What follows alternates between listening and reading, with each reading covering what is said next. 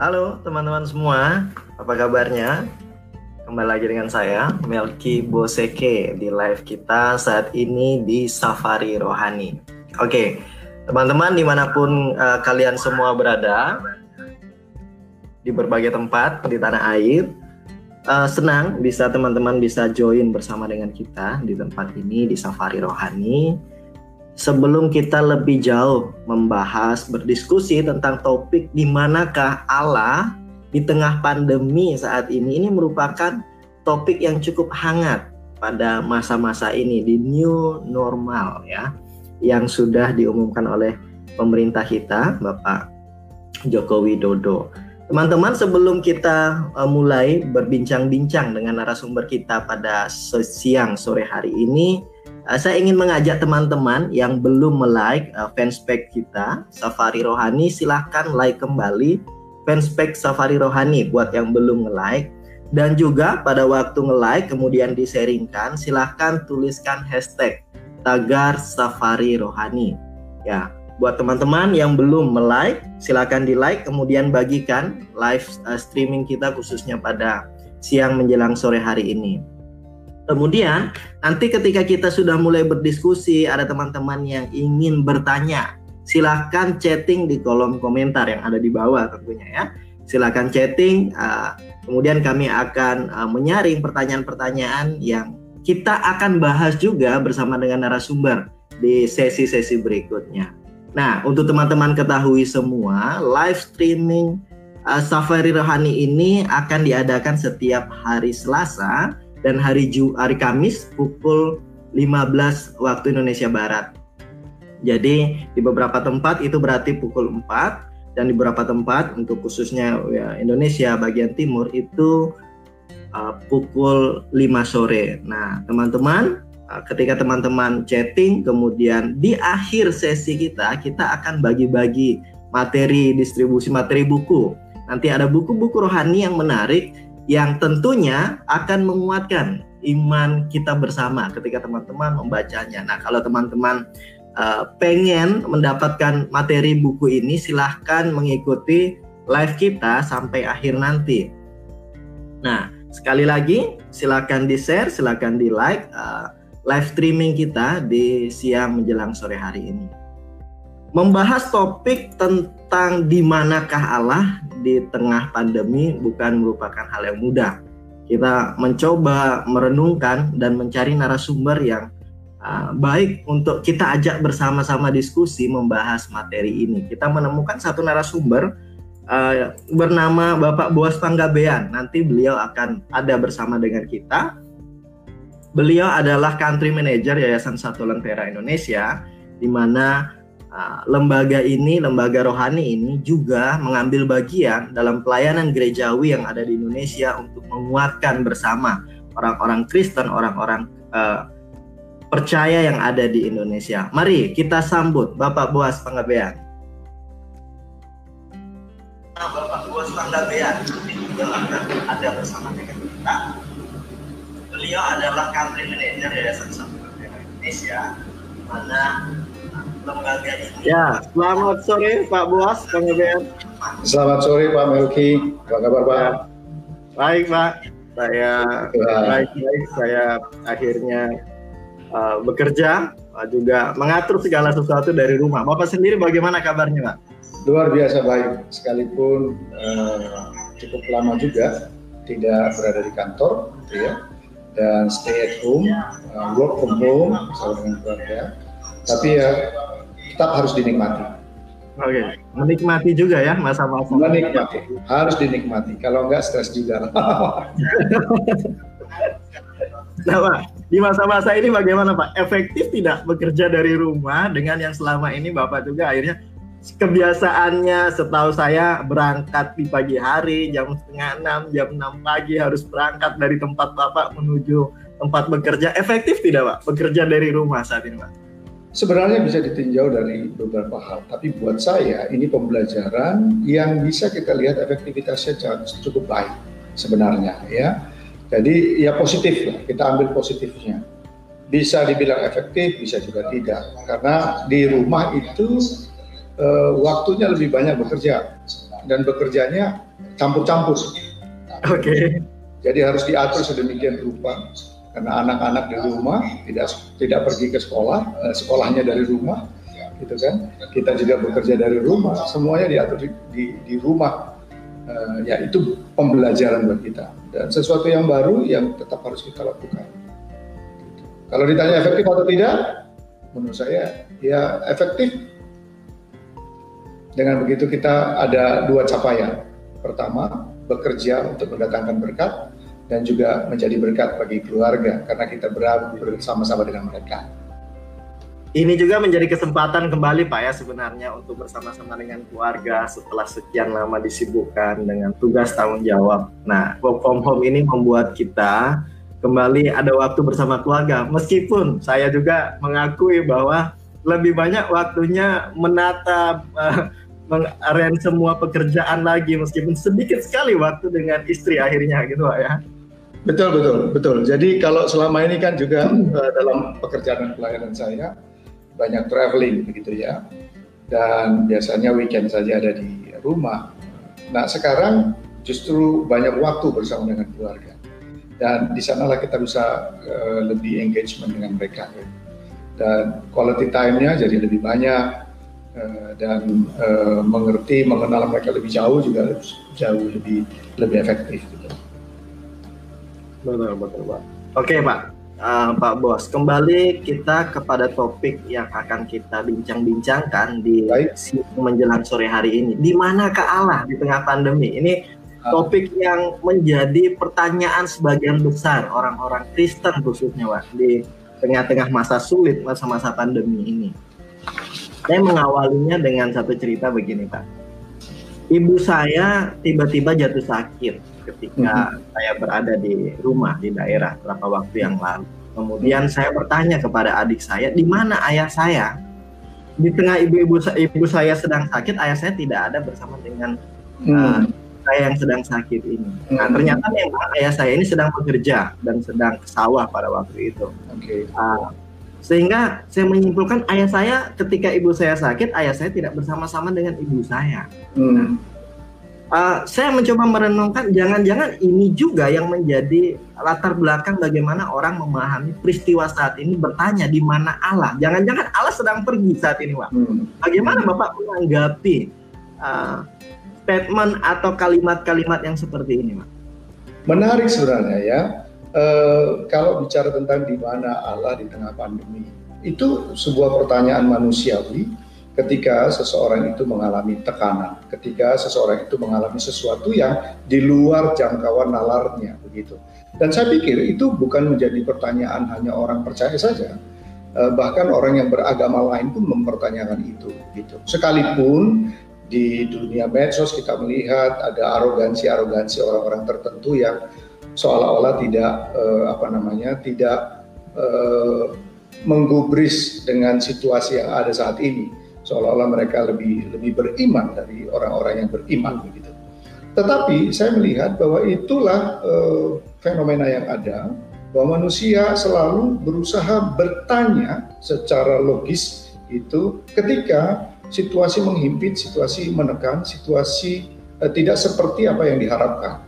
Nah, oleh sebab itu uh, banyak hal yang memang perlu uh, di, dijelaskan dalam konteks ini dalam rangka bagaimana kita bisa mengingat kembali bahwa apakah Tuhan ada gitu ya di tengah-tengah pandemi ini.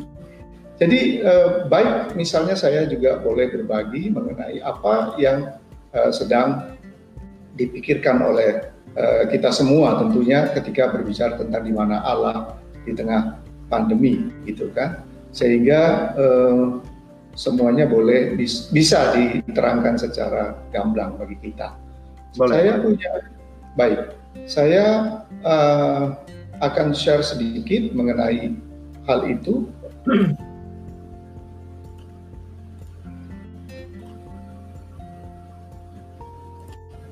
Tema kita adalah di mana Allah di tengah pandemi, gitu ya.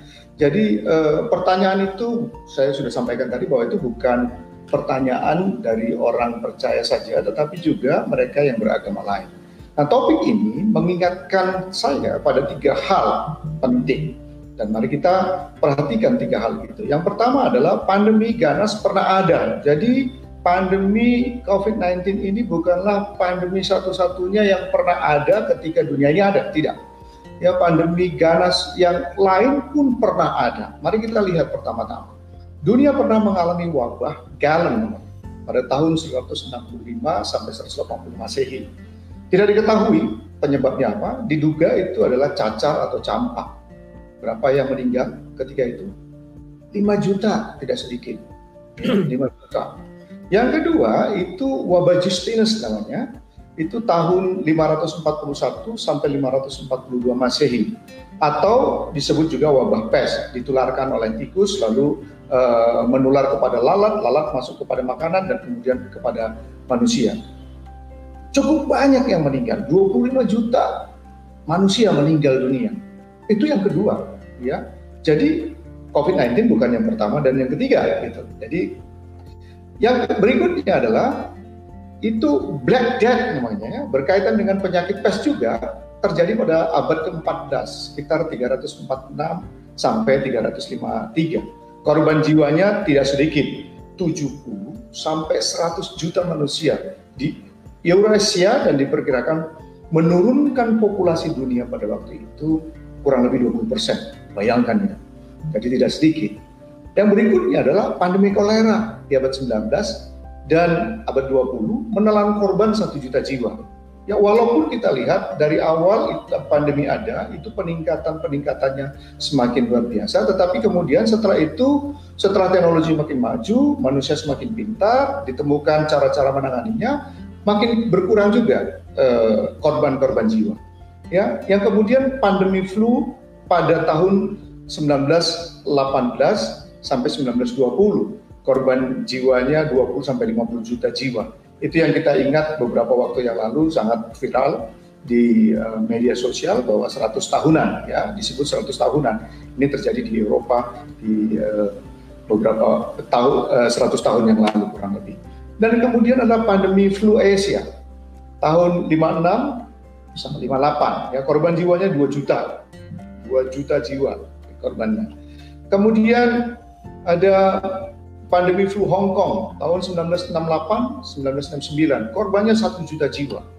Kemudian pandemi virus HIV AIDS yang mencapai puncaknya ya sebelumnya sudah berjalan tapi mencapai puncaknya pada tahun 2015 sampai 2012 sorry 2005 sampai 2012 mencapai 30 juta jiwa.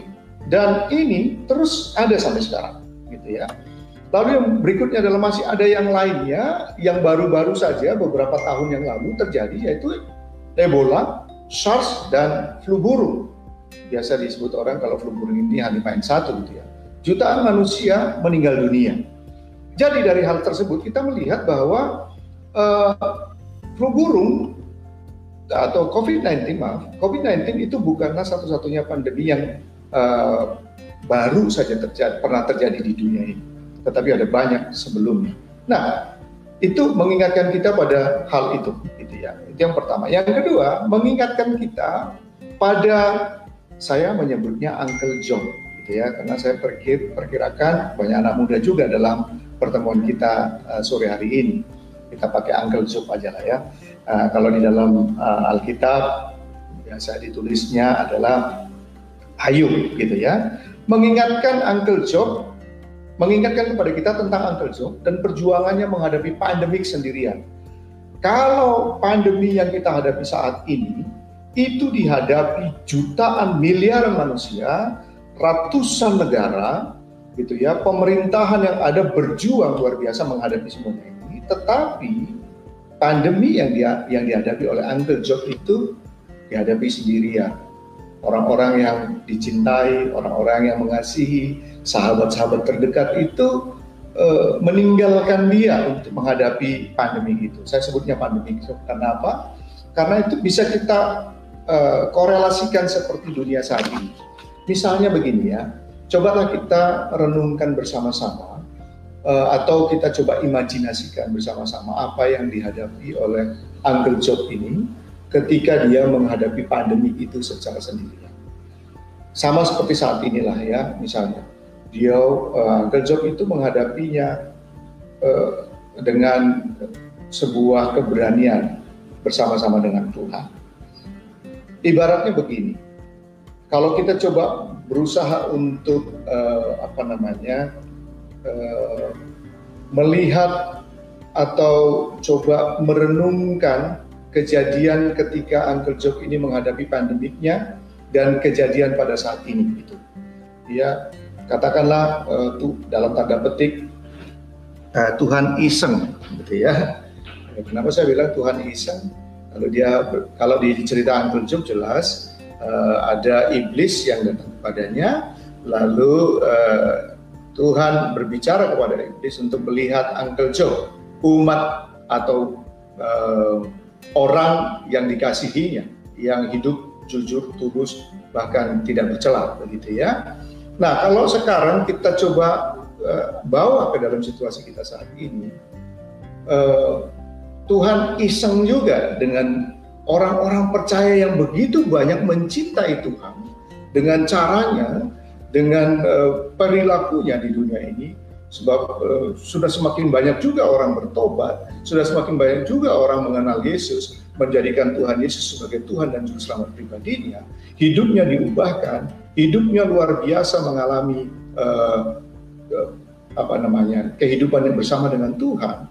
Lalu ya Isa bilang, uh, COVID kamu coba aja lihat orang-orang di dunia sana lah, orang-orang yang mengasihi saya. Kamu bisa uji aja, coba aja. Apakah dia mempertanyakan keadaan saya atau tidak. Nah kira-kira begitu ya. Coba kita renung-renungkan bahwa itu dalam dalam perenunganmu masing-masing.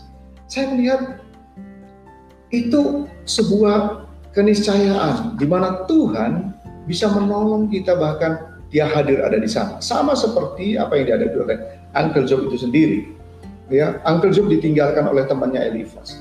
Elifas menghakimi dia. Ya di dalam Yosua pasal 4 ayat 9 dikatakan mereka binasa oleh nafas Allah dan lenyap oleh hembusan hidungnya itu menyatakan bahwa orang-orang yang uh, tidak mengenal Tuhan gitu ya. Lalu di di Yosua pasal 4 ayat 17 Mungkinkah seorang manusia benar di hadapan Allah? Mungkinkah seorang tahir di hadapan penciptanya? Mempertanyakan bahwa Uncle Job ini salah uh, di hadapan Tuhan. Jadi ada penghakiman di sana. Sahabatnya terdekat juga Bildan, seolah-olah ingin membela, membela Allah di hadapan Angker Job. Uh, dia mengatakan, masakan Allah membengkokkan keadilan? Masakan yang maha kuasa membengkokkan kebenaran? Tetapi engkau Angker Job, kalau engkau mencari Allah dan memohon belas kasihan dari yang maha kuasa, kalau engkau bersih dan jujur, maka tentu Allah bangkit demi engkau dan ia akan memulihkan rumah dan uh, hakmu. Demikian. Jadi sahabat-sahabatnya pun melakukan uh, penghakiman terhadap Job.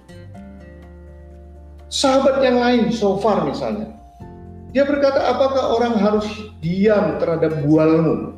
Dianggap uh, Uncle Job itu seorang pembual karena ketika dia menyampaikan nasihat, karena ketika dia menyampaikan eh, pendapatnya terhadap orang-orang ini seolah-olah itu dianggap eh, pendapat yang membuat.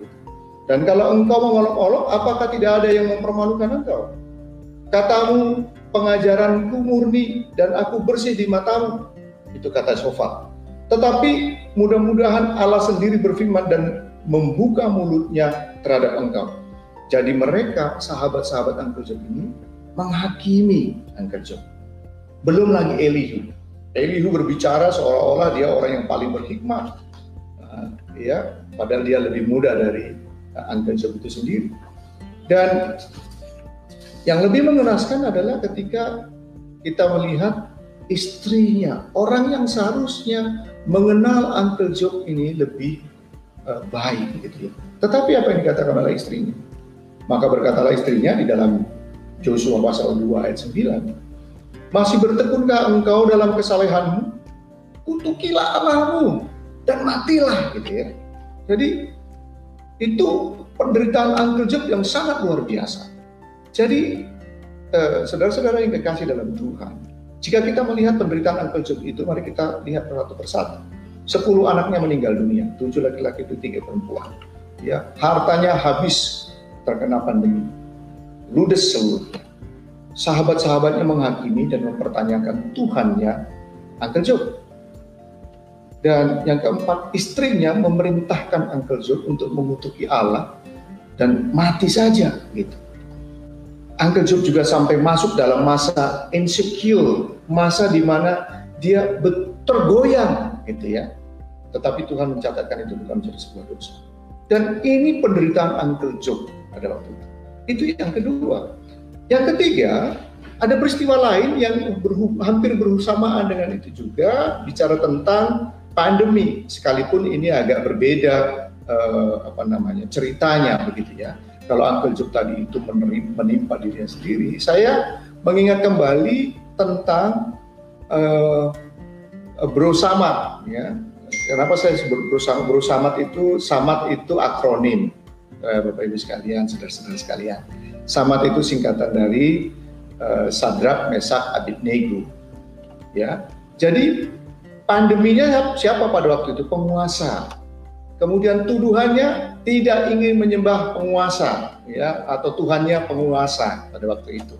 Dan dihukum masuk dalam perapian yang menyala-nyala, dimasukkan ke dalam api. Tetap percaya ada Tuhan yang mendampingi mereka. Nah ini tiga hal kita diingatkan kepada tiga peristiwa ini ketika berhadapan dengan uh, eh, COVID-19 ini. Tidak terbakar karena Tuhan melindungi mereka dan tiga hal itu kita belajar. Dari tiga hal itu kita belajar. Yang pertama, Tuhan ada dan tetap setia. Ya. Tuhan ada dan tetap bekerja. Jadi dia tidak duduk-duduk aja, bengong-bengong aja gitu ya, memperhatikan kita lalu iseng-iseng gitu. Tidak. Tuhan ada dan tetap bekerja. Dan yang ketiga, Tuhan berkuasa dan manusia rapuh membutuhkan. Kita adalah manusia rapuh. Kita adalah fragile kita membutuhkan Tuhan. Nah, tiga hal ini, tiga hal penting ini menjadi dasar kita untuk berdiskusi tentunya ya. Saya kira itu uh, Pak Melki mungkin bisa dielaborasi lagi untuk kita bisa bersama-sama uh, uh, diskusi bersama-sama. Saya kira itu Pak Melki. Silahkan Pak Melki. Nah gini Pak, uh, kan di situasi yang sekarang ini banyak orang ya khususnya orang percaya ya yang bertanya-tanya kalau kalau memang apa namanya uh, Allah itu mengasihi kita kok seperti ini ya situasinya ya gitu. Betul. Ada banyak yang mulai kena PHK nih ya kan? Ada yang mulai dirumahin. Hmm. yang berbagai macam dampak yang mulai terasa uh, di antara orang percaya. Nah menurut bapak dalam menyikapi ini kan uh, pasti ada beragam ya, ada beragam. Tadi kita sudah melihat contoh di Alkitab tuh. Ada Sadrak Mesak Abednego, mm-hmm. ngomong istilahnya keren juga, Bro Samad ya. ada uh, uh, Nabi Ayub. Ayub gimana dia menyikapi situasinya. Pada awalnya Ayub uh, terima, tapi di tengah-tengah sakit juga ternyata ya. Akhirnya dia langsung marah sama Tuhan begitu. Betul. Unsecure ya? Hmm, nggak nyaman, nggak nggak apa ya, uh, ya unsecure lah, tidak aman dengan situasi yang ada. Hmm. Uh, menjawab uh, pertanyaan di awal, lalu bagaimana sih orang percaya ini menyikapi tentang pertanyaan di mana Tuhan terus kayak gitu, Pak? Hmm. Baik, sebenarnya setiap perjalanan hidup manusia itu uh, pernah mengalami masa-masa sulit tentunya ya, dan itu bisa merefleksi kepada diri kita bagaimana kita mengenal Tuhan itu lebih dari sekedar hanya mengetahui gitu. Sebab banyak orang mengetahui Tuhan tentang Tuhan, tetapi tidak banyak yang dibarengi dengan pengenalannya akan Tuhan. Saya pikir itu penting. Nah, oleh sebab itu dua dua hal itu harus menjadi bagian dari setiap orang percaya, menjadi bagian hidup setiap orang percaya. Nah, katakanlah seperti apa yang uh, tadi disampaikan uh, mengenai banyaknya orang PHK, mungkin kena PHK oleh karena pandemi. Oke, okay. terus kalau kena PHK, lalu kenapa? Itu kan menjadi pertanyaan. Oke, okay, kita kehilangan pekerjaan. Iya, kalau kita kehilangan pekerjaan, apakah kita tidak bisa melakukan sesuatu untuk bisa mendatangkan berkat juga? Sebab pada dasarnya manusia itu diberikan kekuatan, diberikan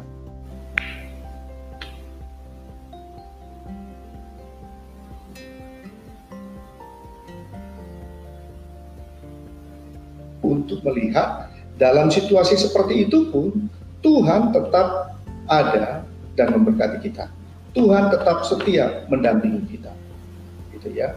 Nah, oleh sebab itu saya melihat itu perlu hubungan yang intim yang baik dengan Tuhan untuk kita bisa mengenal dan mengetahui apa rancangan Tuhan terhadap hidup kita. Begitu barangkali Pak. Menjawabnya bagaimana kita bisa uh, lebih uh, apa namanya lebih dalam, lebih uh, memahami karya Tuhan itu, kita bisa diskusikan sama-sama. Oke, ngomong-ngomong ini Pak, uh, ada pertanyaan. Lanjutkan tadi ya Pak, ini ada pertanyaan ya. dari partisipan nih. Saya bacakan ya Pak. Silakan. Dari Pak Yusak Buing. Selamat sore Pak Yusak Buing. Terima kasih. Uh, pertanyaannya, saat hidup tenang, tidak ada masalah, ke kecenderungan manusia tidak mempertanyakan Tuhan. Tetapi ketika manusia berada dalam tekanan pandemi COVID-19, manusia mulai mempertanyakan di mana Tuhan. Nah, apakah manusia boleh mempertanyakan uh, kerja Allah begitu? Kira-kira seperti itu, Pak. Ya, yeah. uh, sebenarnya kan manusia. Saya tadi sudah sampaikan bahwa orang bertanya itu manusia, sangat manusiawi sekali. Ya, karena apa? Biasanya hal itu muncul oleh karena tekanan. Tadi sudah disebutkan di sana bahwa kalau nggak ada masalah ya nggak ada nggak akan ada pertanyaan. Tetapi ketika ada masalah maka ada pertanyaan. Lalu apakah manusia boleh bertanya? Nggak ada salahnya bertanya itu. Tetapi persoalannya adalah apakah pertanyaan itu merujuk pada seseorang atau merujuk pada kita yang mengenal Tuhan gitu. Kalau kita mengenal Tuhan ya lalu mempertanyakan itu, justru pertanyaan akan menjadi dibalik. Betulkah kita mengenal Tuhan? Karena dengan uh, apa pun yang kita hadapi saat ini, Tuhan tetap ada di sana dan masih tetap bekerja. Gitu. Itu menurut saya ya. Jadi tidak pertanyaannya apakah boleh mem, uh, bertanya tentang Tuhan? Ya nggak apa-apa mempertanyakan Tuhan, asalkan jangan hanyut di dalam pertanyaan itu lalu tidak uh, kembali untuk mencari Tuhan, untuk percaya kepada Tuhan dan menyerahkan hidupnya dalam pimpinan Tuhan. Gitu Pak. Baik, baik. Berarti uh, tergantung sejauh mana ya uh, seorang pribadi itu mengenal Tuhan ya. Sehingga dia bisa uh, percaya penuh tentang apa Tuhan punya rencana gitu ya kira-kira Pak ya. Betul sekali. Gini Pak, uh, kalau Bapak sendiri ada nggak kira-kira pengalaman yang Bapak alami semasa hidup Bapak tentang mengalami sesuatu hal seperti apa ya kenyataan kok nggak sesuai dengan yang didoakan atau diharapkan kepada Tuhan gitu Pak? Boleh? Uh, itu itu kalau mengingat itu emosional sebenarnya karena uh, membekas sekali bagi kami saya dengan istri ya itu awal-awal di mana Eh, kami memulai uh, hidup rumah tangga dengan dua orang anak. Waktu itu masih dua, dan istri saya sedang hamil anak yang ketiga.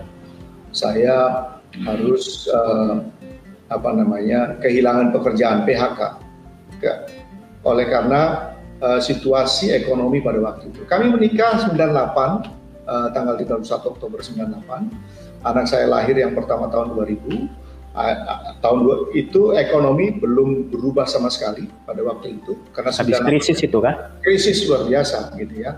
Bahkan kami menikah pada saat krisis. Itu pertolongan Tuhan ya. Itu masih sesuai dengan harapan. Ya itu masih sesuai dengan harapan. Jadi kita masih bisa melaluinya.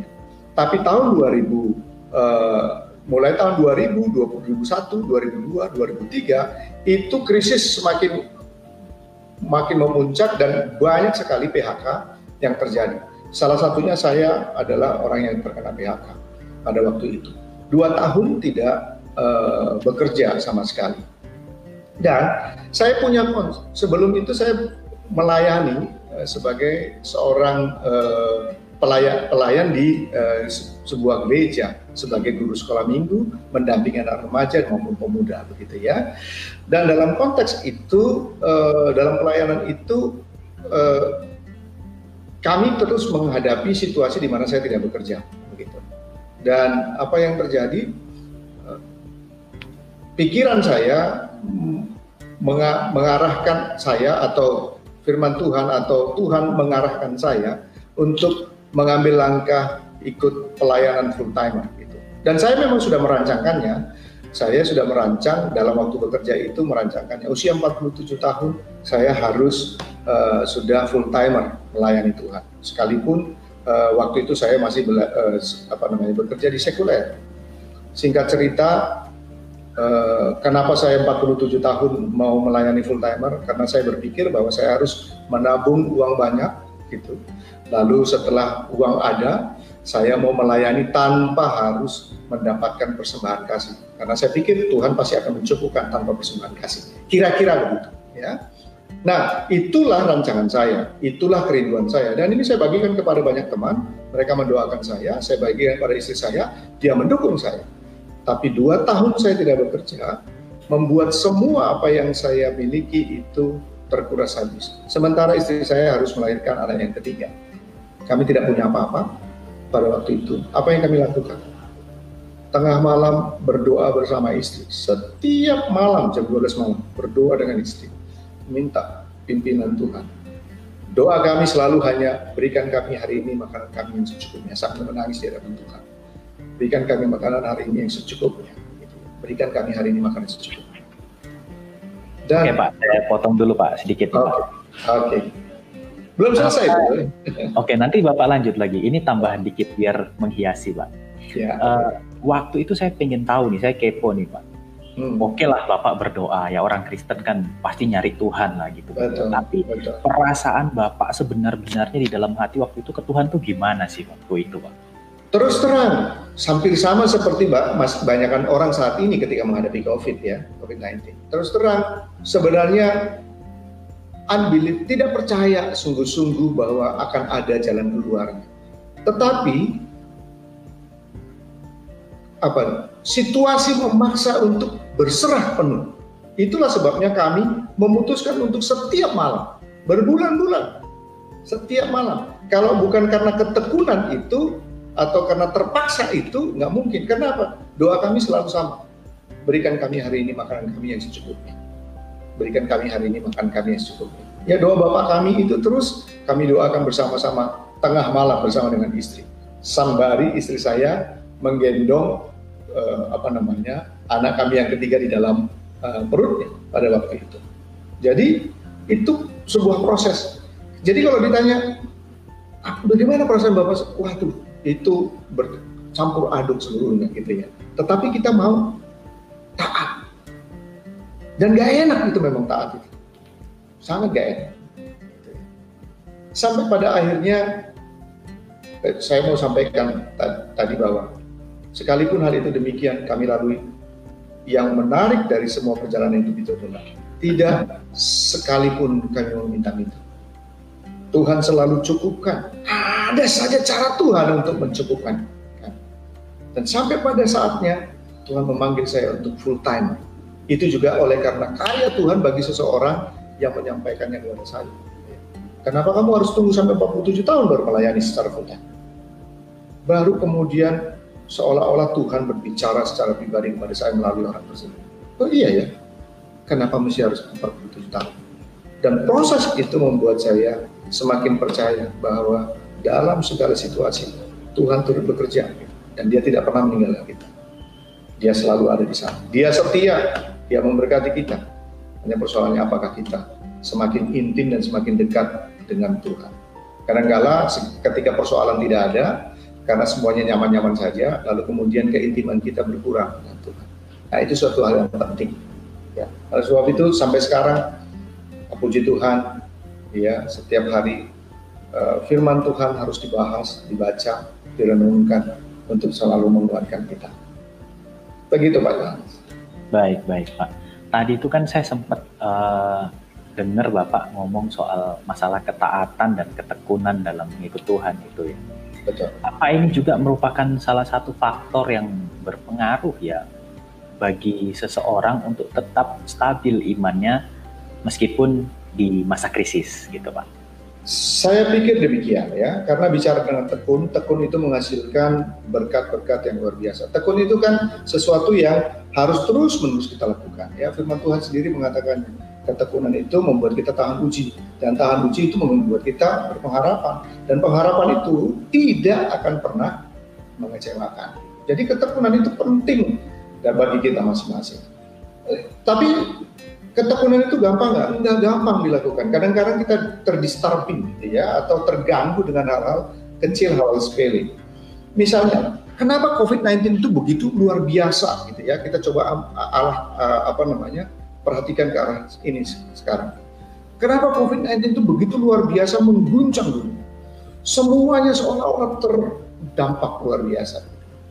Itu kan karena teknologi begitu luar biasa saat ini sehingga teknologi itu menyebarkan informasi begitu cepat kepada setiap orang.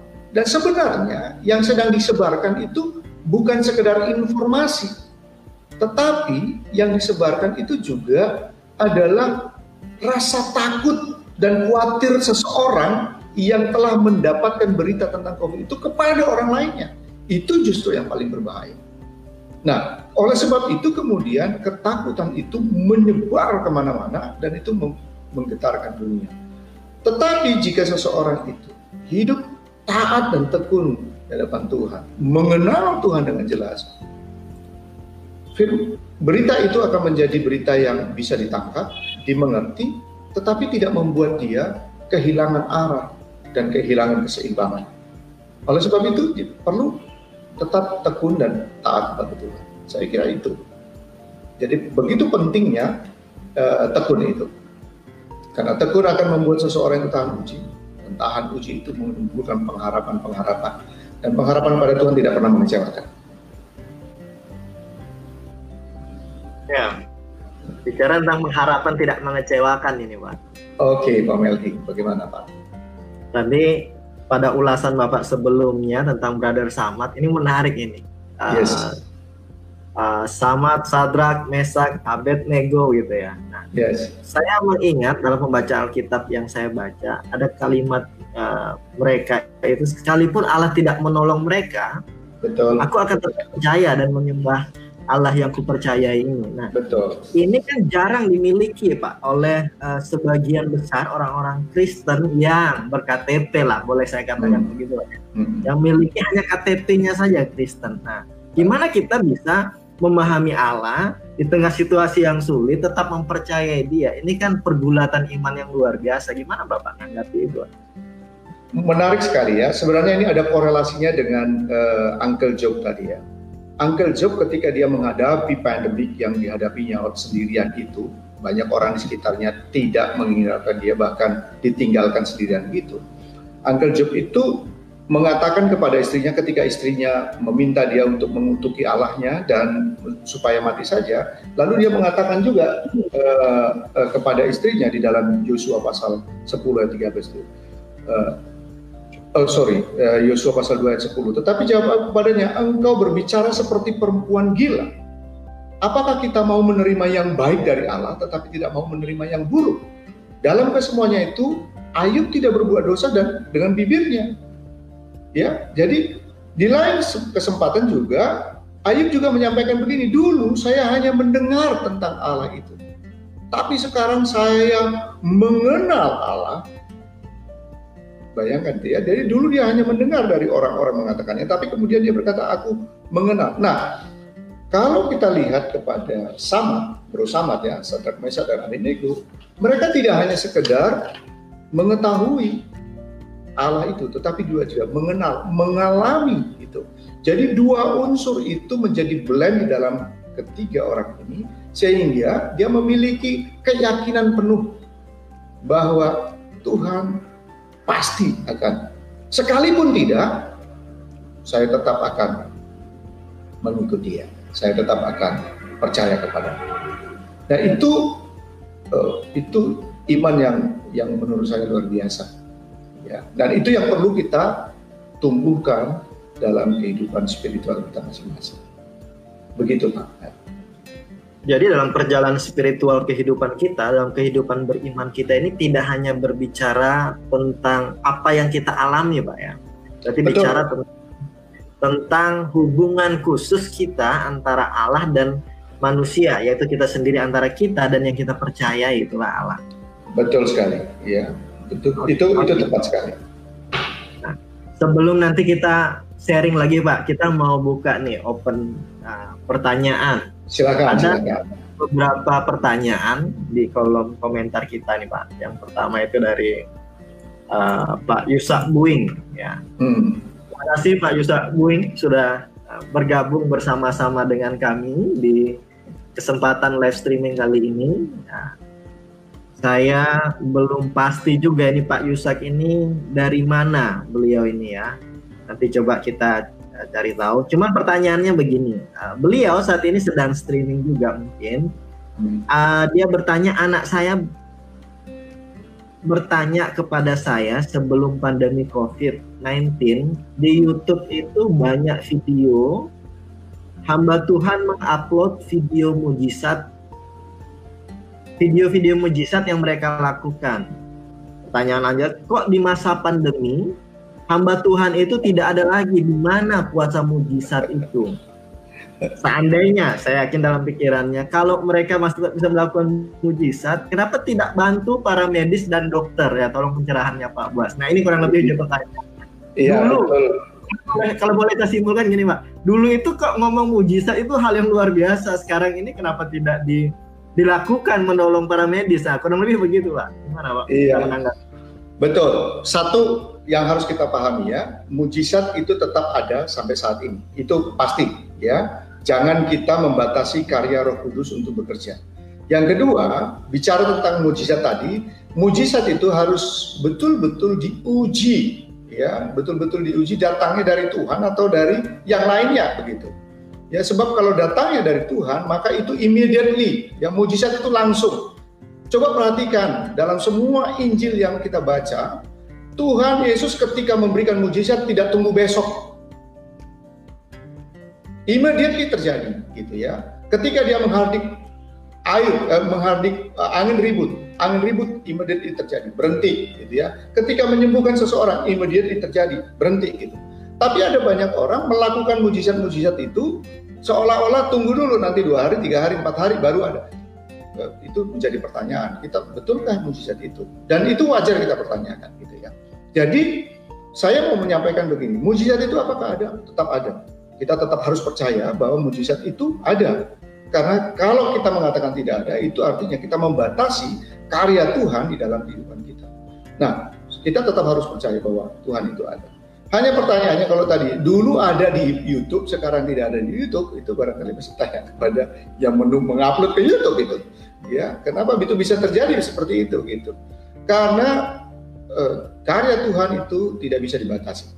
Ya, saya pernah melihat sendiri, eh, ya bahkan ikut terlibat di dalamnya gitu. Seseorang itu mengalami mujizat yang luar biasa dan memang dia sembuh total. Bahkan sampai saat ini bisa di, uh, dibuktikan gitu orangnya masih ada. Dan ketika dicek seluruh sakit penyakitnya hilang. Dan itu terjadi. Jadi kita tidak bisa membatasi karya Tuhan seperti apa yang kita mau itu penting kita paham wah menarik pak memang sekali lagi kehidupan kita ini tidak hanya bicara tentang diri kita sendiri, Pak ya. Betul, betul, betul. Oke, sebelum kita lagi sharing menjawab pertanyaan-pertanyaan yang ada di kolom komentar, Pak ini kita men, uh, cukup menarik ada 25 saudara-saudara kita dari berbagai tempat sedang uh, menyaksikan kita. Boleh kita sapa dulu Pak Bos. Baik, baik silakan, silakan Pak, silakan. Ya, ada Pak Yusak Buing, ada Pak Kongkin, selamat Sore Pak Kongkin, apa kabar? Ada Kak Niluh, ya Kak Niluh. Saya kenal juga dengan Kak Niluh ini, ada Pak Yusak tadi.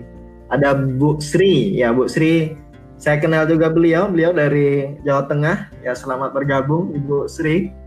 Ya uh, sehat-sehat selalu ya di masa-masa seperti ini. Ada uh, keluarga Martiningsih Suwarno, ya. Uh, komentarnya salam semuanya tetap semangat setia Immanuel Tuhan berkati. Terima kasih uh, keluarga Martiningsi ibu bapak di mana pun bapak ibu berada. Terima kasih untuk dukungannya. Ada Robert Alexander dari Jeffrey. Uh, ya STT Jeffrey. Haleluya Pak Buas terima kasih. Selamat menikmati acara kita sore hari ini ya. Ya Sekali lagi teman-teman semua, saudara-saudara yang dikasih Tuhan, nah, silahkan repost kembali live streaming, streaming kita di sore hari ini. Jangan lupa disertakan hashtag uh, Safari Rohani sehingga teman-teman kita di luar sana yang belum like juga bisa menyaksikan dan juga yang sudah like tetap mengupdate apa yang menjadi perbincangan kita di sore hari ini. Ya. Sekali lagi teman-teman kalau ada komentar, ada apa pun yang ingin didiskusikan, dipertanyakan bersama narasumber kita di sore hari ini akan menjawabnya. Bapak Ibu, nanti di akhir sesi kita akan membagikan buku-buku rohani. Ya, ada beberapa item buku-buku rohani yang tentunya menguatkan kita semua. Nah, kalau Bapak Ibu ingin uh, mendapatkannya, silakan stay sampai akhir dan juga jangan lupa berkomentar, bertanya Wah, kita akan mengulasnya bersama-sama. Uh, kembali Pak ke tempat yang tadi pertanyaan yang tadi hmm. tentang kenapa uh, saat ini dulu banyak sekali hamba-hamba Tuhan membicarakan mujizat. Sekarang kenapa tidak membantu para dokter, para medis dan sebagainya. Nah, ini kan saya melihat bahwa pengalaman perjalanan iman kita itu betul, mujizat itu ada. Saya melihatnya begitu ya. Mujizat selalu ada dalam kehidupan kita. Pasti. Bahkan ada yang mengatakan kita bisa bangun di pagi hari. Kalau kita bisa melihat dari sisi mujizat, itu anugerah, mujizat yang Tuhan berikan bagi kita untuk tetap bisa beraktivitas. Nah, sekali lagi bahwa kehidupan kita ini tidak bergantung kepada uh, apa kata orang tentunya? Betul, apa kata betul. apakah bergantung pada mujizat? Tentu hidup kita ini hanya bergantung kepada Tuhan. Betul. jadi dari situlah kedewasaan rohani kita di uh, dilihat. Betul. kalau mengulas tadi Pak tentang Uncle Job. Kaitannya dengan penderitaan yang dia alami dengan situasi saat ini itu adalah di mana dia mengaliat mengalaminya sendiri ya pak. Betul.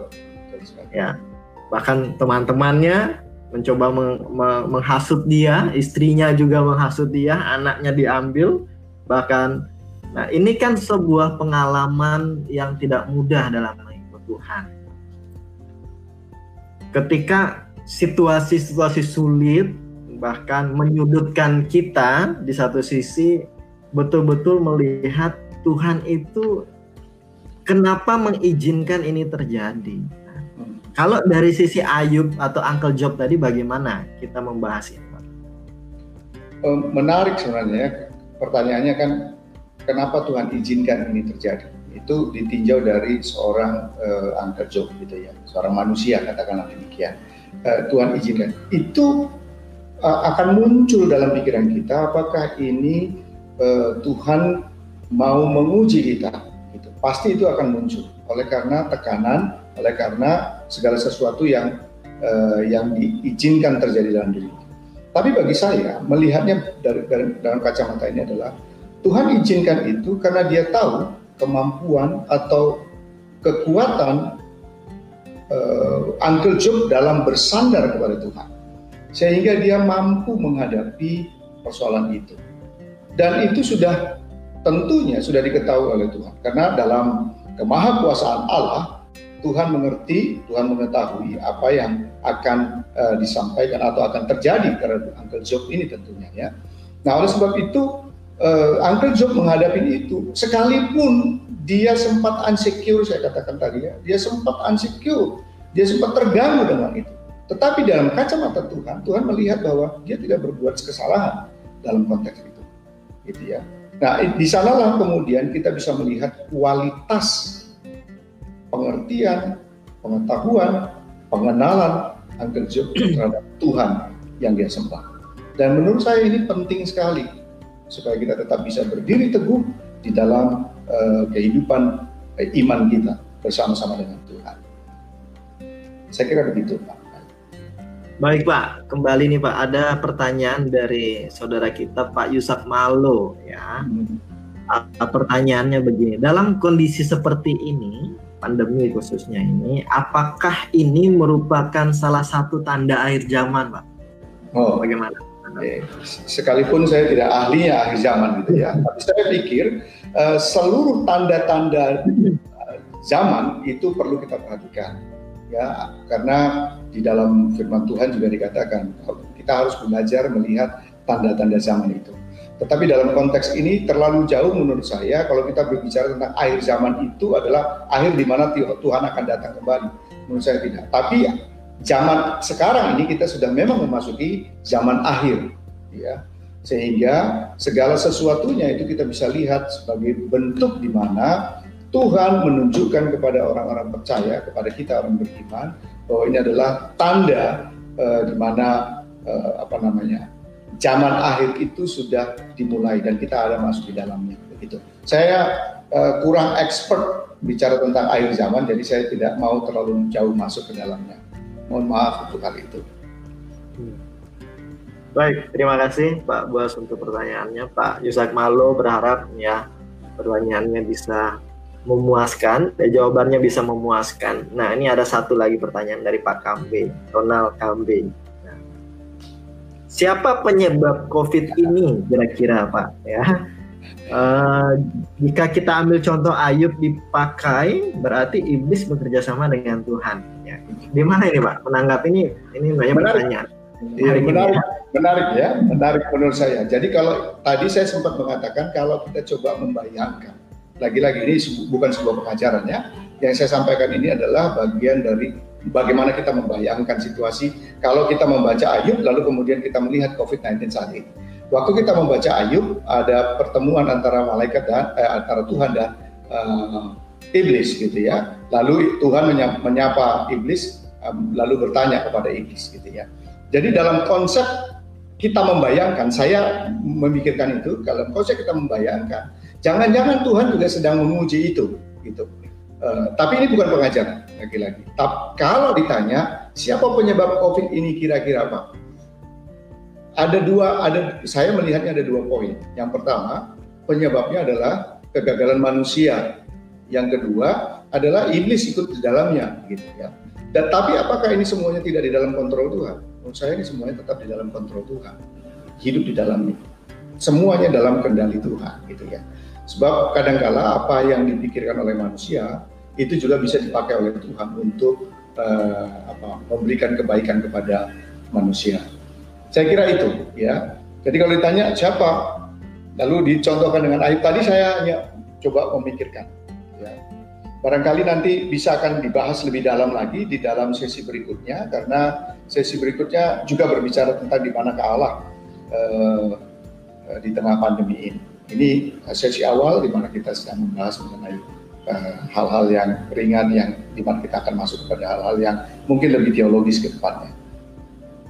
Ya, sekali lagi teman-teman semua, sahabat semua, nanti di kita akan live streaming setiap hari Selasa dan hari Kamis pada pukul 3 waktu Indonesia Barat. Jadi teman-teman semua silakan uh, menyaksikan apa yang akan menjadi bahasan diskusi-diskusi kita. Khususnya hari Kamis nanti kita akan coba menggali lebih dalam lagi tentang di manakah Allah di tengah pandemi. Jadi teman-teman jangan pernah melewatkan. Tentu ada hal-hal menarik, pencerahan-pencerahan, ada sharing-sharing yang uh, berharga pastinya untuk menambah meningkatkan kualitas-kualitas kehidupan kerohanian kita bersama. Jadi jangan jangan sampai terlewatkan momen-momen ini.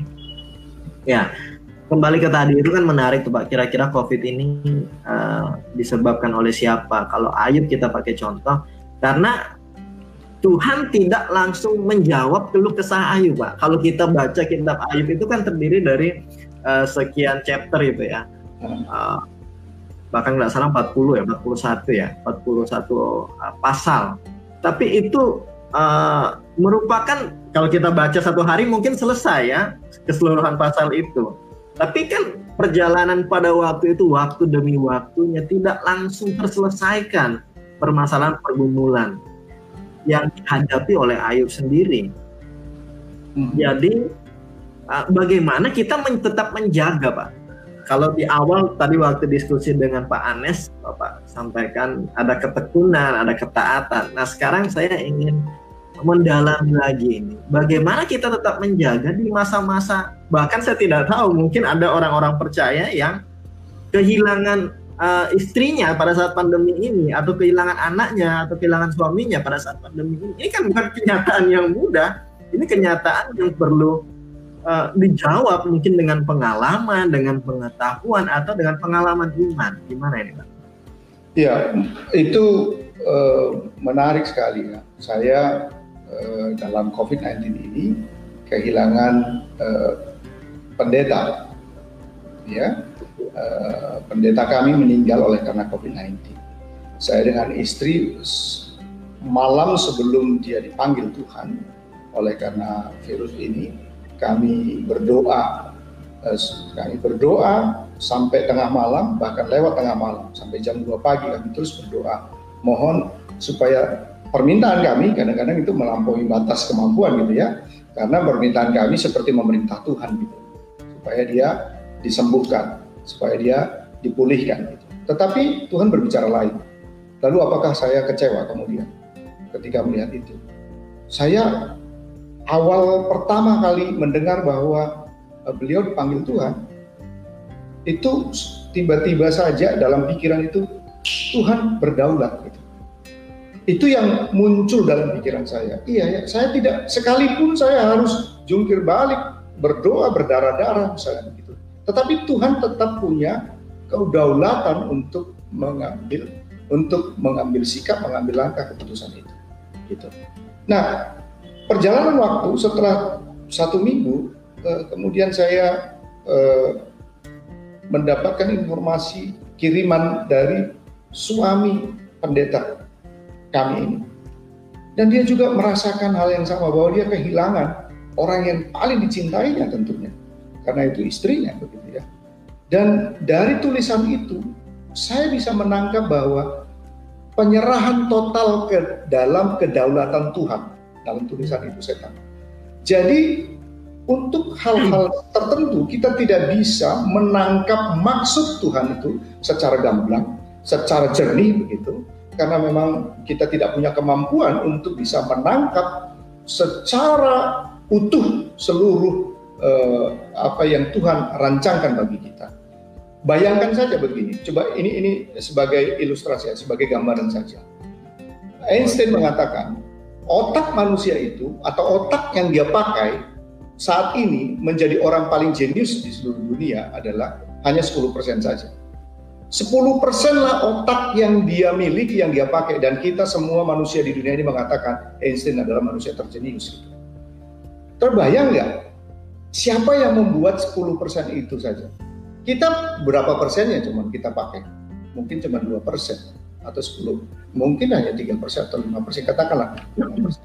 Bagaimana kita mampu memahami Tuhan yang luar biasa itu dengan otoritasnya yang luar biasa itu dengan hanya sejumput pengetahuan dan e, kemampuan kita gitu.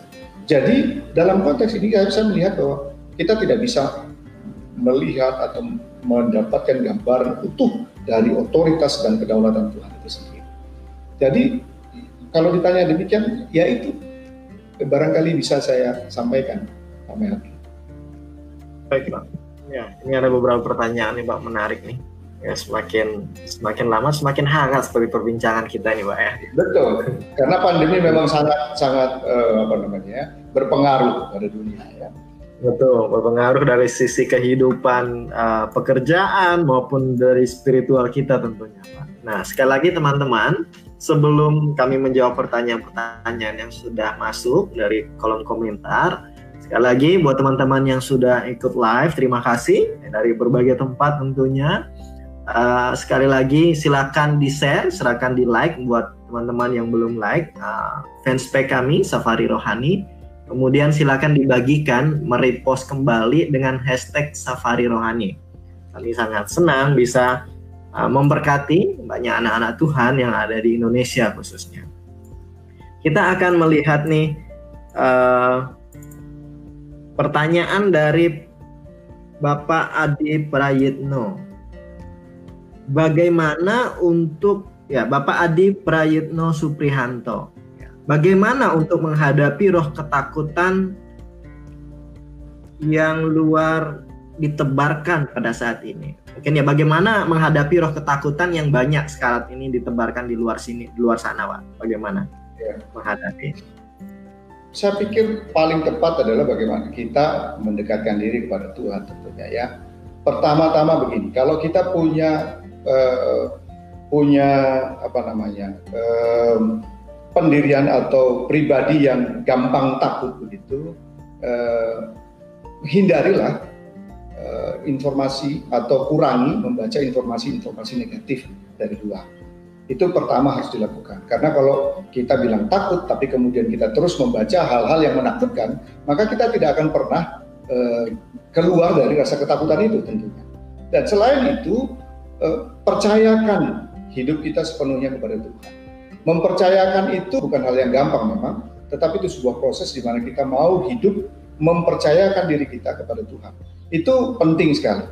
Roh ketakutan hanya ada bagi seseorang yang tidak ada atau di dalam hidupnya bukan Roh Kudus yang berkuasa tentunya.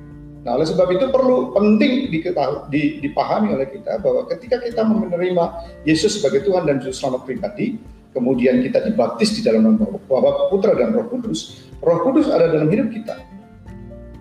Dan kalau roh kudus ada dalam hidup kita, ketakutan mestinya tidak ada dalam hidup kita. Karena tidak pernah Tuhan memberikan roh ketakutan dalam hidup kita. Karena roh kudus itu bukan roh ketakutan. Roh kudus itu roh keberanian. Itulah sebabnya Tuhan berkata, pergilah jadikan semua bangsa muridku. Dan ketahuilah aku menyertai engkau sampai pada hari zaman. Dan ketika pencurahan roh terjadi, maka pencurahan roh itu memberanikan Petrus berbicara di depan banyak orang dan kemudian membaptis banyak orang juga pada waktu itu gitu ya. Banyak orang percaya ketika dia menyampaikan itu. Kita bisa membayangkan ketika sebelum Petrus menerima roh itu, eh, bagaimana dia tiga kali menyangkal Yesus. Tetapi ketika dia menerima roh itu, keberanian yang muncul. Dan setelah itu, kita bisa melihat bagaimana Petrus dipakai Tuhan luar biasa. Dan kalau kita belajar tentang sejarahnya, bahkan dia harus menghadapi mengalami seperti apa yang dialami oleh Yesus sekalipun agak terbalik karena kepalanya dibalik e, disalibkan kepala dengan disalibkan kepalanya ke bawah demikian. Jadi pertama-tama yang harus dilakukan adalah ya jangan membaca konten-konten yang menakutkan tentunya ya. Bacalah hal-hal yang positif, bacalah firman Tuhan yang menguatkanmu, yang e, meneguhkanmu, yang memberikan inspirasi baru dalam hidupmu. Lalu kemudian uh, percayakan hidupmu kepada Tuhan sepenuhnya. Barangkali itu uh, apa yang bisa saya sampaikan, Pak Melki. Baik, terima kasih Pak. Kemudian ini ada uh, komen yang menarik nih dari teman kita, saudara kita Kak Niluh. Di tempat saya melayani cukup banyak yang menanyakan kenapa Allah izinkan corona melanda. Di mana Allah yang Maha Kuasa di tengah pandemi ini? Dan pertanyaan-pertanyaan semacam itu cukup banyak dan yang bertanya mayoritas oleh mereka yang belum mengenal Yesus bahkan. Saya pikir apa yang Pak Buat sampaikan bisa menjadi satu cara menjawab pertanyaan mereka di saat yang sama, membagikan bagaimana kita sedang kita sebagai orang percaya melihatnya dan membawa mereka kepada Yesus. Terima kasih Pak Buas. Ya, terima kasih Kak Nilu ya. Tentu pengalaman-pengalaman kita untuk membawa orang semakin mengenal Yesus Kristus khususnya di tengah-tengah masa pandemi ini begitu Pak Buas ya. Betul, betul. Terima kasih untuk komennya. Ini kemudian ada pertanyaan dari Pak Yaman Lugun. Kalau pandemi ini dalam kontrol Tuhan, mengapa Tuhan membiarkan ini berlama-lama? Kenapa nggak selesai saja kalau Tuhan mengontrol gitu Pak? ya, tentu kita sebagai manusia yang tidak dapat menjangkau Allah yang uh, transcendence itu pengennya semuanya cepat selesai sesuai dengan keinginan kita dan kemauan kita. Tapi apakah kita tahu juga bahwa di dalam atau di balik peristiwa Tuhan izinkan ini ada rencana Tuhan yang lain yang sebenarnya ingin dimunculkan atau ingin diberikan kepada orang-orang pilihannya. Jangan-jangan situasi ini, jangan-jangan. Lagi-lagi ini bukan ini bukan pengajarannya. Saya hanya berpikir, jangan-jangan ini adalah kesempatan bagi Tuhan untuk mulai menyeleksi orang-orang pilihannya sehingga orang-orang pilihan itu bisa dapat menjadi alat Tuhan yang luar biasa ketika berada di tengah-tengah pandemi virus ini gitu. Lalu jangan-jangan juga bahwa situasi ini pun untuk mengingatkan manusia betapa rapuhnya kita, betapa fragile-nya kita gitu ya. Selama ini arogan kita, selama ini kita menganggap bahwa segala sesuatu itu bisa kita kerjakan sendiri dengan kemampuan akal kita, dengan kemampuan keuangan kita, dengan kemampuan uh, networking kita dan seterusnya. Tapi hal ini diizinkan untuk Tuhan, Tuhan terjadi pada kita, jangan-jangan punya maksud yang perlu kita cari tahu. Apa maksud Tuhan di balik semuanya? Dan kenapa Tuhan tetap biarkan ini terjadi untuk melihat kita? Mari kita coba cek lah, ya di Eropa misalnya, itu kota-kota semuanya di lockdown. Oleh karena lockdown, semuanya ada di rumah, gitu ya. Kemudian kita melihat bagaimana perubahan-perubahan terjadi di sana. Orang makin banyak berdoa, sekalipun berdoanya dari rumah-rumah, ya dari pintu rumah dengan pintu lagi mereka keluar lalu menyanyikan pujian-pujian. Gitu ya. Ada perubahan yang sebelumnya mereka cuek-cuek saja begitu. Perubahan yang nyata kita lihat. Jangan jauh usah jauh-jauh. Saya tinggal di Jakarta. Jadi Jakarta dulu eh, dua tahun tiga tahun terakhir ini kita tidak melihat langit itu biru. Nggak pernah lihat itu. Ya, semuanya cuma buram. Tapi ketika COVID ini terjadi, pagi-pagi kita melihat langit itu biru. Jogging pagi melihat langit itu biru. Naik sepeda, rekan-rekan yang naik sepeda melihat langit itu biru. Ada perubahan yang nyata. Gitu. Bahkan secara penelitian dikatakan bahwa ozon pun mengalami perubahan gitu ya. Yang tadinya sudah mulai bolong sekarang sudah mulai merapat kembali. Jadi kita tidak bisa serta merta melihat ini Tuhan yang mengendalikan lalu kena udah dong selesaikan dong kan kami sudah minta gitu ya. Ya kita tidak bisa serta merta mengatur Tuhan sedemikian rupa. Mari kita sama-sama belajar untuk melihat dan belajar untuk mencari tahu apa rencana Tuhan di balik semuanya ini. Dan saya Menarik. percaya. Ya, lanjut Pak. Ya, dan saya percaya ketika kita menemukan itu ada nilai-nilai yang harus kita uh, bagikan kepada anak susul kita ke depan.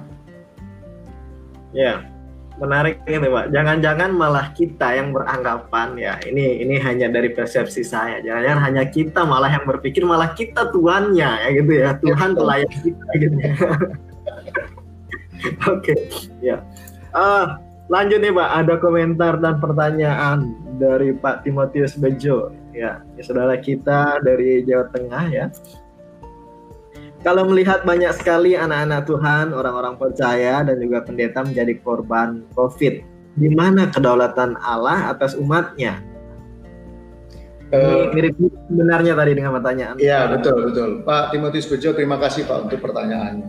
Menarik ya uh, uh, apa namanya anak Tuhan atau hamba Tuhan meninggal lalu mempertanyakan kedaulatan Allah. Apakah kalau misalnya hamba Tuhan atau anak Tuhan atau pendeta atau siapa pun itu yang kita anggap orang uh, orang hebat begitu banyak yang meninggal lalu dapatkah kita mempertanyakan kedaulatan Allah kepada mereka? Bukankah seharusnya ketika seseorang itu meninggal kita mengimani bahwa apalagi seorang pendeta yang takut akan Tuhan misalnya bahwa dia sedang datang kepada kepangkuan Bapa. Bukankah itu sebuah proses di mana seseorang itu mengalami kehidupan yang baru bersama dengan Tuhan? Saya kok tidak bisa, tadi saya sudah sampaikan bahwa ketika pendeta saya meninggal, lalu saya tidak menanyakan kedaulatan Tuhan di sana. Tapi justru saya melihat Tuhan jauh lebih mencintai, Tuhan jauh lebih bisa menerima pendeta ini kembali ke dalam pangkuan. Daripada saya harus mencari atau mempertanyakan kedaulatan Tuhan gitu ya. Karena uh, siapa kita mempertanyakan kedaulatan Tuhan? Itu. Jadi uh, saya lebih melihat bagaimana kita melihat bahwa dalam konteks ini uh, sekalipun banyak yang meninggal meninggalnya oleh karena virus itu itu bukan berarti kedaulatan Tuhan tidak eh, ada di sana. Jadi tetap kedaulatan itu justru di dalam kedaulatan Tuhan juga. Begitu. Tapi terima kasih Pak Timotius Bejo untuk uh, pertanyaannya menarik untuk dibahas lebih jauh. Ya, ini dari Pak Yusak Wing tadi, beliau dari Samarinda ya. Apa kabar Pak Yusak dari Samarinda? PSBB masih berlakukah di sana atau sudah berhenti? Sudah kembali ke aktivitas normal ya harapannya begitu. Ya? Selamat sore Pak Yusak Wing. Ya. Uh, pertanyaannya ini mengapa Ayub selalu menjadi fokus saat kita berbicara penderitaan? Sejauh mana kontribusi atau contoh dari penderitaan Ayub bagi mereka yang sedang mengalami uh, atau terjangkit COVID-19 hari ini? Uh, Gimana ini Pak? Menarik sebenarnya ya. Kita tidak sedang mencari mencocok-cocokkan gitu tidak, tetapi itu namanya cocokologi ya. Tetapi jika kita melihat apa yang dialami oleh Ayub sendiri, maka uh, penderitaan Ayub itu bisa menjadi referensi kita untuk menghadap uh, untuk me, berhadapan dengan situasi saat ini. Uh, barangkali ini ini yang disebut dengan Alkitab itu relevan sepanjang masa, gitu ya. Jadi karena relevan sepanjang masa, maka mau tidak mau kita bisa mengambil hikmat atau mengambil eh, apa namanya pelajaran dari peristiwa yang dialami oleh Ayub. Jadi bagaimana kalau pertanyaannya sejauh mana kontribusi contoh atau penderitaan Ayub bagi mereka yang sedang mengalami terjangkitnya COVID-19 ini? Kalau kita melihat bagaimana hancurnya kehidupan Ayub ketika pandemi dalam tanda petik pandemi yang dihadapi itu. Maka sebenarnya apa yang kita hadapi saat ini sekalipun kita kehilangan orang yang kita cintai, sekalipun kita kehilangan orang yang kita kasihi, belum sebanding dengan apa yang dialami Ayub. Belum sebanding gitu. Menurut saya belum sebanding gitu ya. Oleh karena apa? Oleh karena apa yang dialami oleh Ayub itu itu luar biasa penderitaannya. Ya dari mulai anaknya harus hilang, hartanya, harta kekayaannya dari zaman itu dia menjadi orang konglomerat nomor satu barangkali kalau sekarang ya, konglomerat nomor satu di Indonesia barangkali. Tapi semuanya hilang. Bukan hanya itu, tubuhnya pun hancur, gitu ya. Bukan hanya itu, orang-orang yang mencintai dia, orang-orang yang dekat kepada dia pun menghakimi dia. Ya. Istrinya bahkan orang-orang yang di satu kamar ya dengan dia gitu istrinya bahkan ya jadi kalau kita coba melihat itu secara utuh maka kita bisa melihat bahwa itu bisa menjadi referensi kita lagi-lagi ini tidak dalam rangka mencocok-cocokkan tetapi menjadi referensi kita oleh karena Alkitab selalu relevan sepanjang masa jadi kita bisa menjadikan referensi Ayub itu untuk kita melihat situasi COVID-19 saat ini gitu sehingga kita bisa belajar dari Alkitab kita belajar dari firman Tuhan. Bagaimana Tuhan mendampingi orang-orang yang dicintainya, menguatkan bahkan memulihkan orang-orang yang dicintai. Saya kira itu Pak. Baik Pak, baik. Ya, sebenarnya ini masih ada kaitannya bicara tentang penderitaan atau uh, khususnya terkait COVID ini dari Pak Timotius Bejo, Pak. Ya.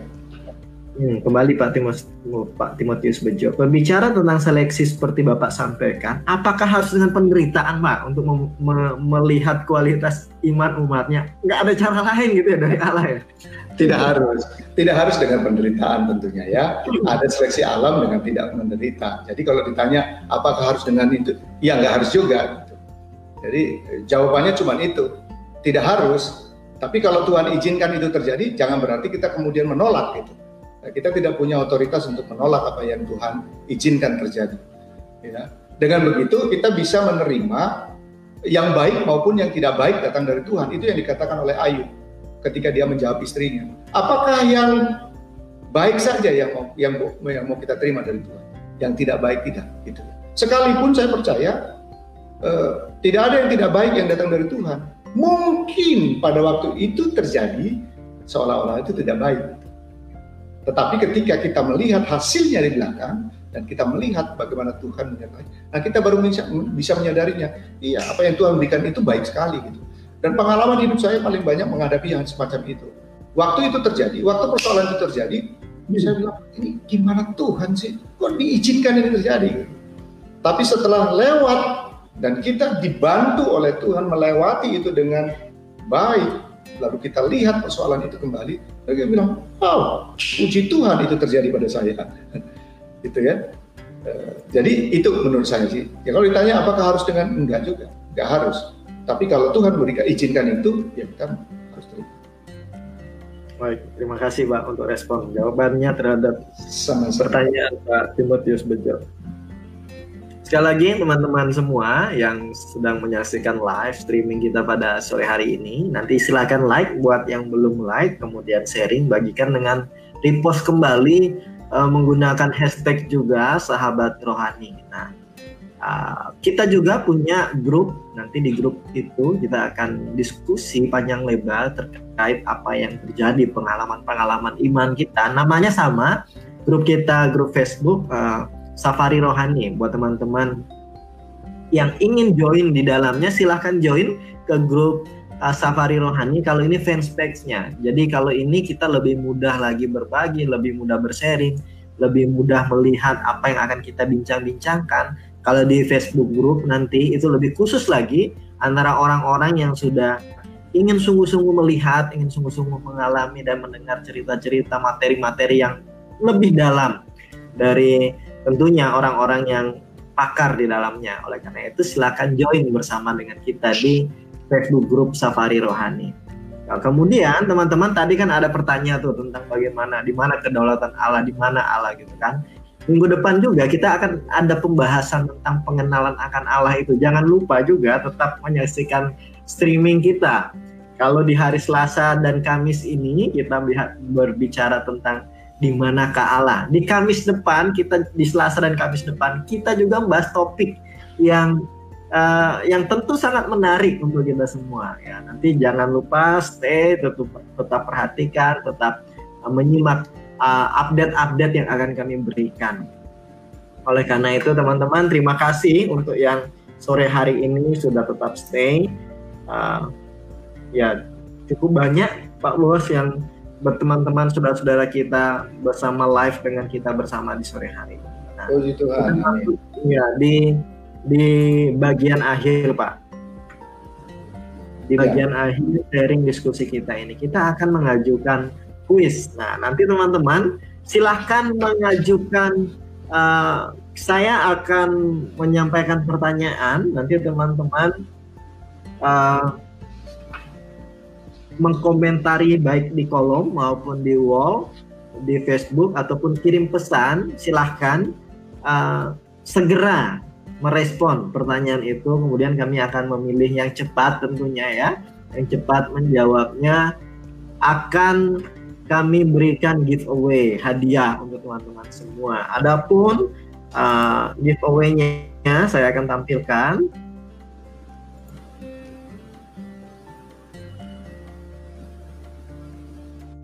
untuk kita semua berapa materi-materi yang saya yakin pasti sangat menguatkan kita sangat menarik untuk direnungkan kembali untuk dibaca nah sudah hadir ya buku Victory ini salah satu uh, buku outline khotbah yang tentu pasti akan sangat menguatkan ketika mempersiapkan apalagi masa-masa seperti ini ibadah di rumah-rumah memimpin uh, renungan bagaimana dan ini di sini ada penjelasan-penjelasannya semua. Kemudian winner ini renungan-renungan yang menguatkan tubuh-tubuh Kristus anak-anak muda bahkan kita semua. Kemudian ada 101 cerita-cerita Alkitab oleh Ura Miller. Ini juga sangat membekali khususnya jika Bapak Ibu semua saudara-saudara punya adik-adik, punya anak-anak rohani yang masih berusia sekolah minggu ini sangat menarik cerita-cerita Alkitab di dalamnya. Nanti kita akan bagikan ini, kita akan giveaway. Saya akan mengajukan pertanyaan.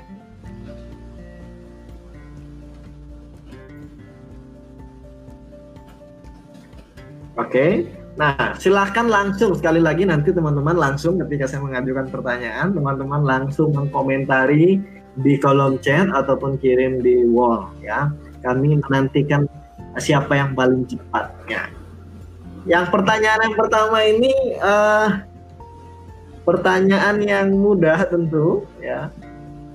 Teman-teman ya saya diingatkan untuk menjawab di kolom komentar saja ya. Teman-teman yang live silakan jawab di kolom komentar saja, bukan di wallnya ya. Minta maaf, jawab di kolom komentar. Uh, siapakah nama uh, narasumber kita pada sore hari ini? Silakan dijawab ya. Dijawab di kolom komentar ya. Jadi teman-teman silakan jawab di kolom komentar. Siapa yang menjadi narasumber kita uh, pada sore hari ini ya. Buat teman-teman yang lagi live silahkan dijawab. Oke, Pak Teddy Saputra. Oke, Pak Teddy. Oh, terima kasih Pak Teddy Saputra. Boleh komen lagi Pak. Uh, silahkan komen Pak. Kalau boleh kirim di pesan Pak. Nanti ada tim kami. Maaf Pak Timotius sudah didahului Pak Teddy ya. Didahului Pak Teddy ya.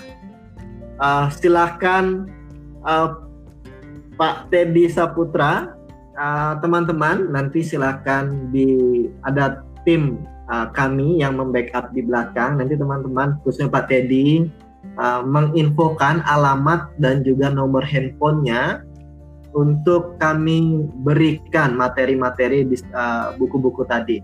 Silakan di chatting, di pesan, di pesan di grup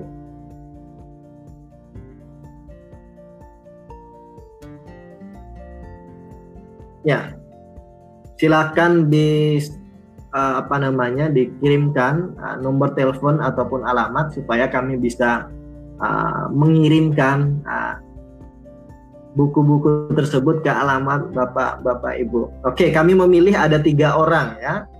Ada Pak Teddy, ada Ibu Sri dan Pak Adi, Pak Yitno ya. Nanti uh, boleh dikirimkan untuk oke okay, di sini saja. Oke okay, Pak Teddy. Boleh kami mendapatkan nomor kontaknya Pak Teddy? Ya, kalau memang bersedia dibagikan di wallnya, boleh kami dapatkan nomor kontak. Nanti ada tim kami backup untuk segera menghubungi Pak Teddy. Pertanyaan yang kedua, pertanyaan yang pertama sudah selesai ya. Pemenangnya ada tiga orang tadi, ada Pak Teddy, Ibu Sri, dan Pak Adi ya. Ya. Ya. Oke, terima kasih Pak Teddy. Nanti ada tim kami yang akan membackup di belakang. Kemudian uh, pertanyaan nomor dua tadi ada uh, penjelasan dari Pak Boas tentang dua dua pokok pembahasan yang ditujukan kepada orang-orang tersebut dengan akronim-akronim tertentu ya. Ya, terima kasih Pak Teddy. Dengan akronim-akronim tertentu. Boleh enggak Bapak Ibu segera sebutkan akronim-akronimnya, dua akronim yang sudah dijelaskan Pak Boas di kolom komentar. Silakan. Kami menantikannya tentu ya. Bapak Ibu akan kami berikan giveaway yang uh, menarik yang tentu menguatkan iman tadi. Oke, kembali Pak Teddy yang mengutamakan. Bro, bro, bro Somat ya. Terima kasih Pak Teddy. Ada dua Pak Teddy, itu baru satu. Ada dua akronim tadi yang dijelaskan oleh Pak Boas. Ya. Oke. Okay.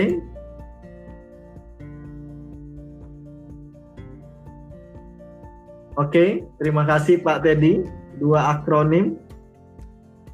Dua akronim buat Bapak Ibu yang lain juga yang ingin berkontribusi di dalamnya silakan kami nantikan. Terima kasih Pak Teddy Suputra ya. Oke, terima kasih Pak Teddy untuk jawabannya dua akronim. Jadi Pak Boas juga menghantar kita menjelaskan tadi tentang di mana Allah melalui dua akronim Uncle Job dan uh, Bro uh, Somat ya Sadrat, Mestak dan Abednego. Terima kasih, terima kasih. Ya, terima kasih Bapak Ibu semua bagi Bapak Ibu yang sudah terpilih tadi, ada yang pertama di sesi pertanyaan pertama, ada Pak Teddy Saputra, Ibu Sri Handayani, ada Pak Adi Pajitno. Silahkan uh, komentari ataupun kirim ke pesan Facebook grup uh, fanspage kami Safari Rohani uh, dengan namanya, nomor telepon dan alamatnya supaya kami kirimkan. Uh, Oke. Okay. Beberapa sudah memberikan informasinya di kolom komentar. Silahkan untuk di uh, dikirimkan. Kami akan uh, apa nah, capture juga apa yang sudah Bapak Ibu jelaskan di sini. Terima kasih untuk komentarnya, untuk uh, apa yang sudah Bapak Ibu sampaikan tadi di kolom komentar. Nah, kita mau melihat dan menyaksikan closing statement dari Pak Boas uh, untuk menutup sesi kita di sore hari ini. Baik, terima kasih uh, para pejuang iman. Saya memanggil Bapak Ibu sekalian para pejuang iman karena kita perlu berdiri teguh di dalam iman kita dalam menghadapi segala uh, persoalan-persoalan termasuk di dalamnya adalah COVID-19. Saya mengingatkan satu uh, kepada kita bahwa Tuhan tidak pernah bertentangan dengan dirinya. Ya. Jika dia berkata bahwa aku akan menyertai, maka dia akan tetap menyertai. Tuhan ada dan tetap setia, karena dia tidak pernah tidak setia. Tuhan ada dan tetap bekerja sampai saat ini. Dan Tuhan berkuasa atas segala sesuatu menunjukkan kepada kita bahwa kita rapuh oleh sebab itu kita memerlukannya. Jadi ingatlah bahwa dalam menghadapi situasi ini Tuhan tetap ada dan tetap setia kepada kita para umatnya. Terima kasih Tuhan Yesus memberkati. Ya, Bapak Ibu, kembali lagi bersama dengan saya Melki ya. Sekali lagi saya mengingatkan kita setiap hari Selasa dan hari Kamis pukul 3 sore waktu Indonesia Barat kita streaming di uh, fanspage Safari Rohani. Jadi Bapak Ibu jangan lupa tetap pantau, tetap melihat komentar-komentar, postingan-postingan kami. Tentunya kami berharap bahwa apa yang kami kerjakan, apa yang kami lakukan ini menguatkan bahkan di masa-masa sulit seperti ini. Nah, jika Bapak Ibu merasa diberkati, merasa dikuatkan, silakan sharingkan pengalaman-pengalaman Bapak Ibu melalui pesan di uh, pesan uh, Facebook secara khusus supaya kami bisa memantau dan melihatnya. Terima kasih Bapak Ibu. Sekali lagi di hari Kamis nanti kita akan bersama narasumber juga yang satu untuk kembali melihat mengulas, mendiskusikan tentang di mana Allah di masa-masa sulit di pandemi khususnya pada saat ini. Jadi Bapak Ibu, terima kasih untuk waktunya sudah stay bersama dengan kami. Tadi ada juga satu yang kelewatan tadi tetap dengan Pak Pak Timotius Bejo. Jadi untuk pertanyaan kedua, Pak Timotius Timotius Bejo juga akan kami kirimkan juga materi-materi yang tadi yang sudah kami siapkan untuk Bapak Ibu semua. Terima kasih uh, Tuhan Yesus memberkati.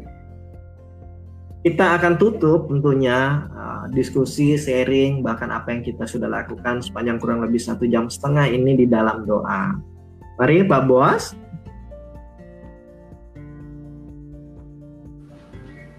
Baik Pak. Baik. Mari kita uh, mohon dengan kasih Pak Boas untuk menutup kita dalam doa. Baik, mari kita berdoa.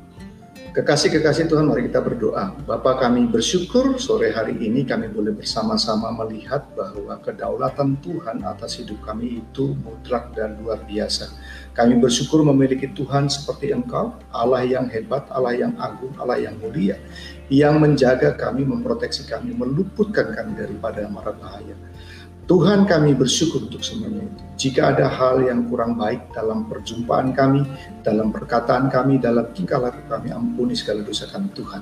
Dan biarlah ke depan ini kami mau semakin lebih dalam, mengenal dan mengerti tentang rencana Tuhan dalam setiap aspek kehidupan kami. Segala sesuatu yang kami lakukan Tuhan buat berhasil, biar, biarlah namamu dipermuliakan. Jika sebentar kami akan terpisah, kami, biarlah kami boleh melakukan aktivitas kami selanjutnya di dalam rancangan dan kehendak Tuhan. Terima kasih Bapak, kami bersyukur kepadamu di dalam nama Tuhan Yesus Kristus. Amin. Amin. Baik Bapak Ibu, terima kasih untuk semuanya. Tuhan Yesus memberkati kita. Sampai jumpa di sesi-sesi selanjutnya. Ya, terima kasih Tuhan Yesus memberkati.